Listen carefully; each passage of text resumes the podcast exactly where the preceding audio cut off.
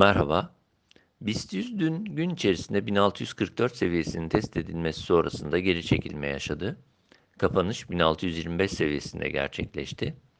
Endekste yükseliş denemeleri devam ederken geri çekilmeler halen sınırlı ve gün içi düzeltme şeklinde.